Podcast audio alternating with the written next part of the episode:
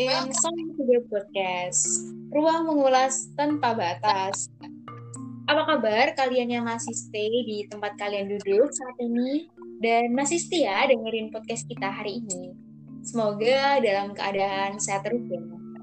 Selamat bergabung buat yang baru dengerin Soal Hidup Podcast dan selamat datang juga buat teman-teman angkatan 2020 yang udah jadi keluarga agung LPM Solidaritas. Oke, buat yang pertama kali dengerin Solasi The Podcast dan bertanya-tanya, apa sih Solasi The Podcast tuh? Gitu kan. Jadi, Solasi The Podcast nih adalah ruang suara buat para kaula muda yang ingin mengekspresikan suara mereka untuk bisa didengar oleh banyak orang. Gak cuma itu, di sini kita bisa eksplor pengalaman hidup orang yang menarik, membagikan waktu terbaru terkini, tempat bertukar pikiran dan cakapan yang masih banyak lagi tentunya ulasan kita atas kepentingan publik ya. Nah, isu yang akan kita bahas kesempatan ini adalah represi aparat terhadap media. Ya, itu adalah salah satu tema di episode keempat ini. Dan saya Agustin akan berbincang ditemani oleh tamu besar dan jauh beliau nih. Nah, beliau ini adalah salah satu alumnus dari LPM Fatsun IAIN Senior Jati uh, Cirebon. Oke, okay. uh, yuk kita panggil sekaligus kita sapa ya. Firdaus Habibur Rahman. Halo, halo Kak Firdaus. Halo Agustin, halo teman-teman solidaritas. Senang bisa jumpa. Halo, semoga uh, semuanya baik-baik aja ya kak. Walaupun masih pandemi kayak gini,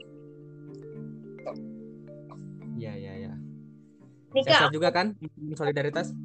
Oh iya tentu sehat kadang dan masih progres. Banyak kegiatan LPM solidaritas sekarang. Mantap mantap. Nih aku tadi udah sebutin namanya Kak Firdaus, uh, ternyata nggak cukup cuma nama aja ya. Nah, ini Kak boleh kenalan dong siapa sih Kak Firdaus tuh? Barangkali ntar ada yang penasaran sama Kak Firdaus sendiri buat pendengar The Podcast. Yeah. Halo teman-teman, jadi aku Firdaus Habibur Rahman. Uh, sekarang bekerja untuk pamflet generasi di Jakarta. Pamflet generasi itu uh, semacam CSO uh, eh, yang fokus untuk mengembangkan kapasitas anak muda di isu hak asasi manusia. Hmm, kuliah kemarin uh, aku terlibat di LPM Fatsun uh, di IAIN Senur Jati Cirebon. Cukup nggak segitu? Cukup lah ya. Buat yang uh, para kaum kepo sih kurang kayaknya. Tapi cukup gitu aja. Ntar ini satu episode full identitas Kak Firdaus habis dah. Iya. Kalau sekarang tinggal di mana Kak? Sekarang domisili karena kerja di Jakarta, sebenarnya di Jakarta. Hmm. Jadi aktif di Jakarta. Iya. Oke, itu tadi pendengar Falsi The Podcast. Ntar uh, kalau ada penasaran bisa hubungi Kak Firdaus di mana nih? Uh, aku ada sebenarnya lebih sering aktif di Twitter. Uh, teman-teman bisa add uh, add FRDS uh, AR at FRDS AR. Uh, jadi kita bisa saling follow aku Instagram juga ada sih tapi kurang aktif gitu Oke, langsung follow ya. Dan oke okay, Kak, kali ini kita mau bahas dan mengulas nih tentang represi aparat terhadap media gitu.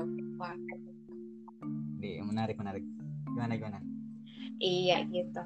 Oke, okay, kalau uh, ini sambil nostalgia sih di tanggal 8 Oktober kemarin baru-baru ini. Sepanjang media sosial kita penuh dengan berita riuh keadaan Indonesia pada saat itu. Nah, apa nih yang Kak lihat pas selama scroll media sosial Kak? Uh, ini ya berarti ya, apa demonstrasi apa namanya mahasiswa dan beberapa elemen masyarakat soal uh, penolakan undang-undang omnibus law.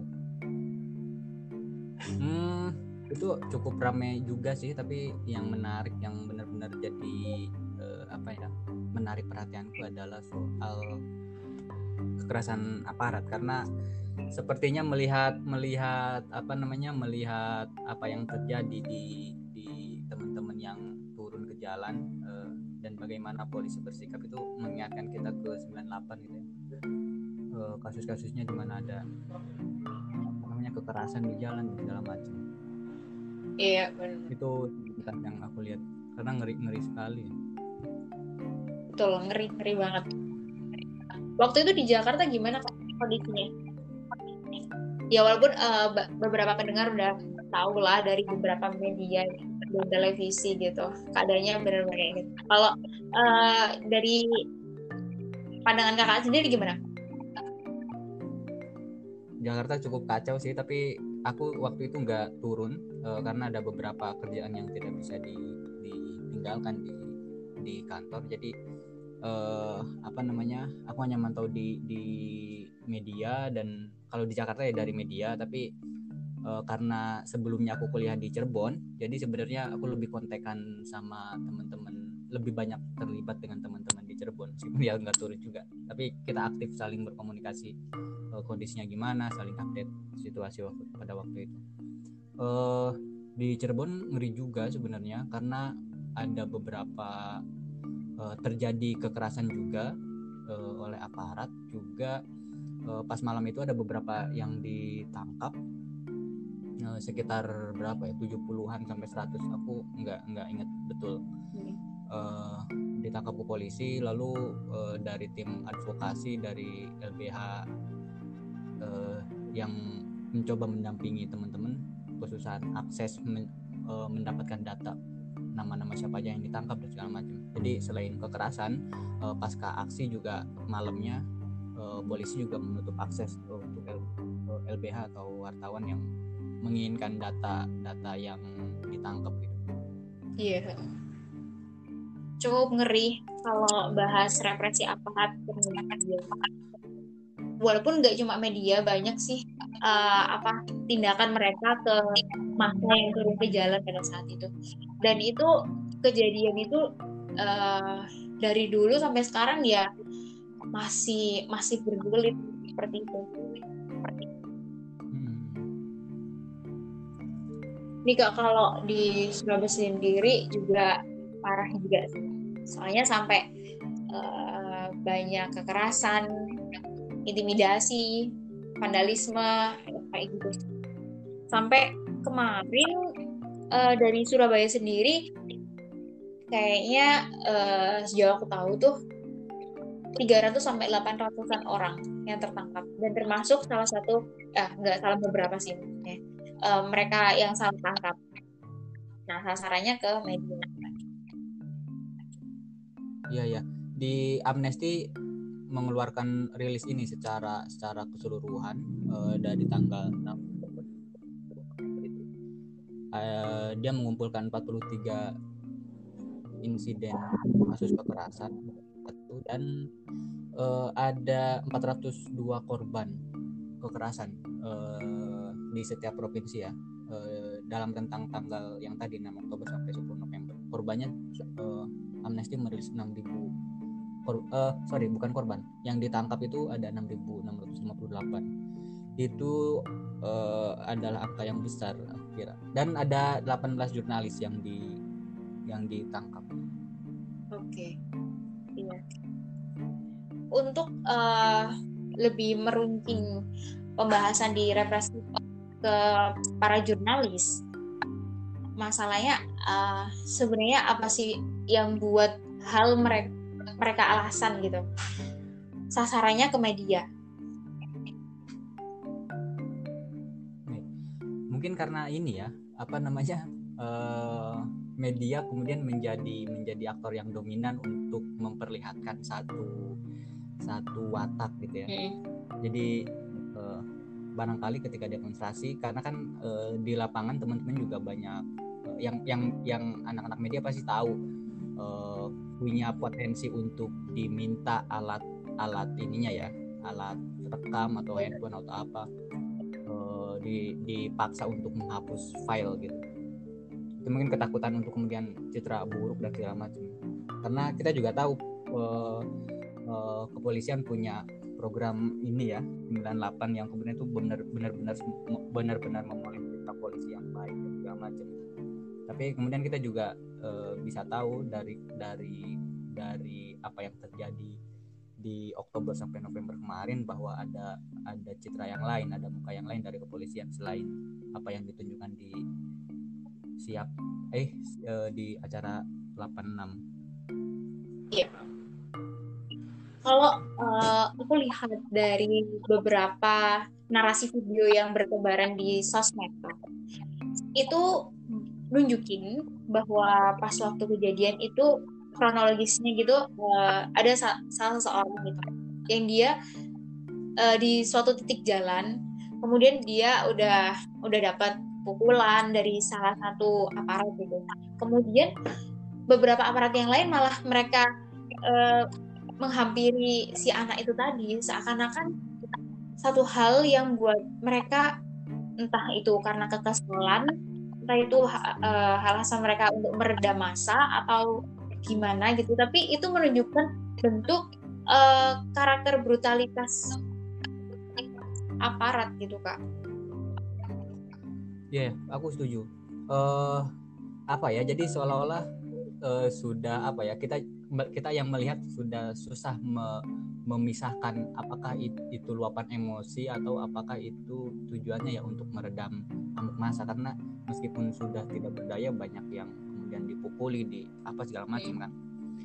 Padahal sebenarnya Indonesia itu sudah mendukung konvensi PBB soal eh, apa namanya perlakuan terhadap terhadap apa namanya terhadap eh, tersangka misalnya eh, di pasal 23 juga kalau nggak salah aku ngutip ini tahun 2008 itu sebenarnya ketika ada pelaku atau pelanggar yang ditangkap yeah. itu juga harus diperlakukan secara manusiawi. Jadi tidak boleh sebenarnya ada penganiayaan atau diseret atau dilecehkan atau apa namanya martabat kemanusiaannya di, di dirampas ya. Karena selain di selain di lokasi juga ada ini kan ketika mereka di, di sudah di Polres atau di mana gitu sudah ditangkapin itu banyak juga uh, ya rekaman yang kemudian dia disuruh apa namanya disuruh push up yeah. di di di bukan disuruh push up dia ditelanjangi gitu eh, nggak uh, bisa ng ngakses informasi dari luar dan segala macam yang pasti uh, martabat kemanusiaannya itu direnggut itu miris sekali sih. Uh, dan jelas-jelas melanggar undang-undang aku kira. Hmm, iya menarik. Kalau sasarannya ke kenapa jadi poin itu tadi sasarannya juga buat polisi menjadikan uh, orang pers sasaran kekerasan mungkin salah satunya karena mereka tidak ingin perilaku uh, brutalitas itu terkuak di mata publik. Sepertinya demikian. Iya. Nih kak kalau uh, dari situ dari peran media sendiri jelas kan kita uh, menggagaskan sebuah kejadian asli di lapangan dengan memberikan informasi yang jelas gitu. Tapi kalau saya lihat di statementnya Instagram Pak Jokowi itu Pak beliau menyebutkan ini ya sekilas itu bahwa kejadian kerusuhan ini disebutkan oleh disinformasi.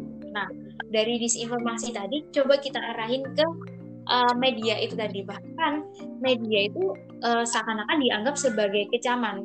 Anggapannya berita media hanya akan semakin memperkeruh suasana, dituduh yang memberikan berita kurang tepat dan mengabu-abukan keadaan gitu. Nah, gimana Kak bisa menjaga statement kayak gitu? Iya kak, kalau yang dimaksud oleh pemerintah memperkeruh suasana eh, adalah ini ya, adalah proses proses eh, demokrasi yang ini ya, itu bermasalah juga. Eh, apakah kemudian eh, yang yang adem ayam itu, eh, sorry, apakah kemudian media harus harus eh, mengutip eh, pendapat dari pemerintah saja soal ini? Kan nggak gitu juga. Lalu kemudian ketika ada opini lain yang muncul itu dianggap mengacaukan dan menyebar hoax dan segala macam. Ya berarti itu salah salah berpikir ya. Karena aku kira media justru menjadi wastu kan. Eh, dia menjadi menjadi eh, pengawas dari apa yang dilakukan oleh pemerintah. Jadi akhirnya itu bukan merekcok bukan memperkeruh dan segala macam. Malah ya ya ya tidak bisa untuk kemudian media hanya mengutip uh, dari pemerintah saja. Malah harus ada terjadi terjadi dialek terjadi silang opini dan segala macam. Betul betul. Setuju kalau kalau kayak gitu.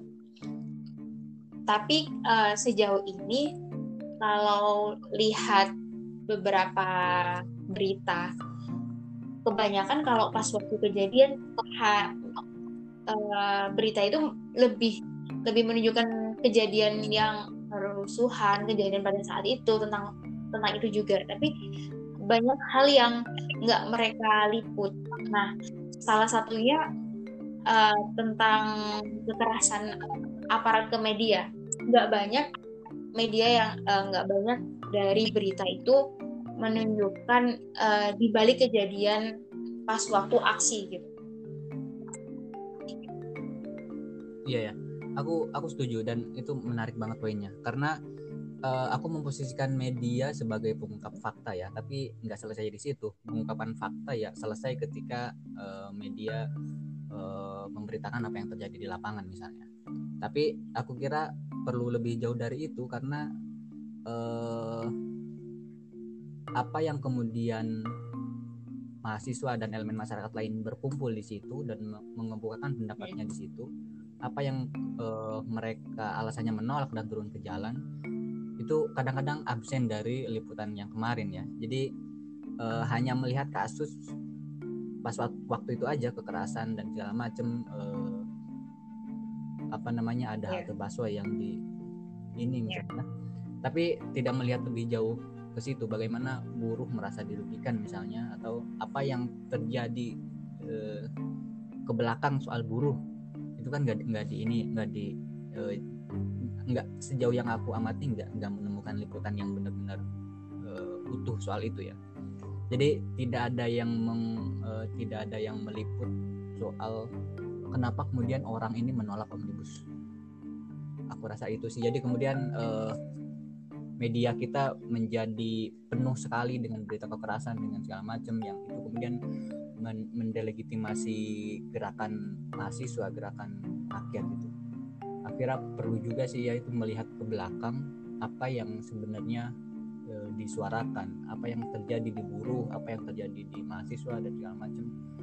Tidak hanya fokus melihat apa yang terjadi di lapangan waktu itu. Karena itu mungkin hanya jadi letupan-letupan doang dari dari tekanan yang selama ini di dilakukan oleh pemerintah kepada pekerja dan segala macam.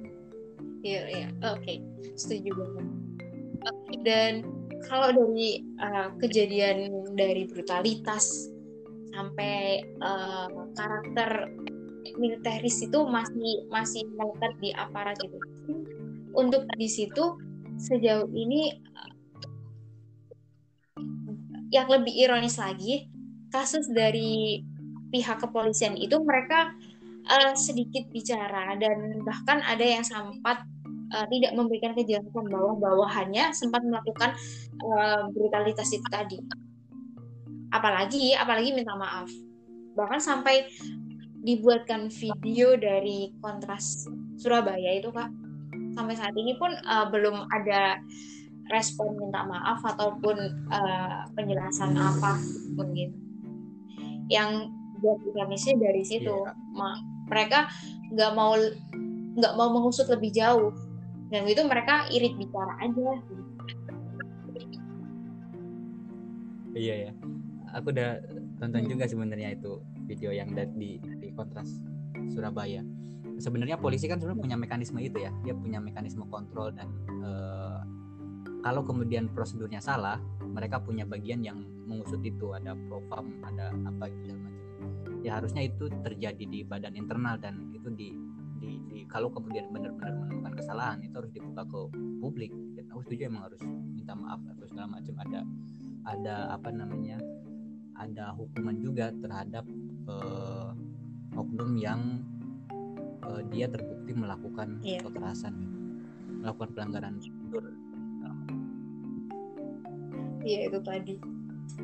Salah satu hal yang menarik dari represi aparat dan untuk gerak dari media pers untuk saat ini gimana sih kak?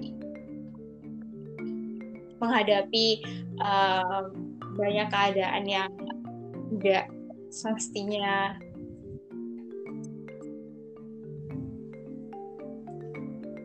Uh, kalau soal itu gini aku melihat melihat ini ya melihat posisi pers itu ada di dua di dua di dua sisi hmm. pertarungannya ya. Uh, itu mengemukakan ada dua aparatus yang bekerja ada aparatus negara dan aparatus ideologi. Nah pers ini dia bermain di dua aparatus itu. Aparatus negara itu kayak kita punya kepolisian punya TNI dan punya apa lembaga yang kemudian dia fungsinya untuk me meredam konflik dan apa segala macam nah aparatus ideologi ini uh, dia yang uh, apa namanya mempromosikan dan melanggengkan uh, pola pikir apa segala macam bentuknya dalam lembaga pendidikan dan agama, keluarga segala macam yang pasti itu untuk mengontrol pola pikir masyarakat ya. Jadi ada dua aparatus itu. Nah, media kenapa kemudian bermain di dua di dua hal ini? Karena pertama dia juga beririsan sekali dengan apa yang dilakukan oleh aparat di lapangan. Kayak yang tadi ya, eh, dia memotret eh, fakta lalu kemudian itu di, di, dimunculkan, di, disebarkan ke banyak orang. Jadi pertama dia di lapak secara secara di lapangan dia berantem dengan dengan yeah. aparatus negara tapi setelah itu menjadi produk dia juga me, me, mencoba mengacaukan uh, ideologi yang itu dibentuk oleh oleh oleh negara yang yang mungkin uh, polisi adalah pengayom dan segala macam itu kemudian bisa bisa di bisa diimbangi dengan apa yang dilakukan oleh teman-teman media bahwa ini loh ada ada fakta lain soal uh, polisi yang mengayomi misalnya. Jadi dia dia dia selain berantem bukan berantem ya bahasanya dia selain selain ya berhadapan dengan polisi di lapangan dia juga berhadapan secara ideologi aku kira nah itu pentingnya pentingnya media uh, bersikap pentingnya media mengungkapkan fakta karena ya kalau pakai kacamata Althusser itu akhirnya penting sekali. Oke, menarik sekali. Dari itu tadi aparatus negara dan ideologi ternyata pers memiliki peran penting buat bisa menduduki keduanya. Dan mungkin nih kak uh, buat terakhir kasih uh, kasih ujangan notis atau statement yang buat kita para para jurnalis makin kuat menyuarakan hal-hal baik dan mengha bagaimana menghadapi uh, keadaan kita, menghadapi keadaan para aparat kita seperti seperti itu.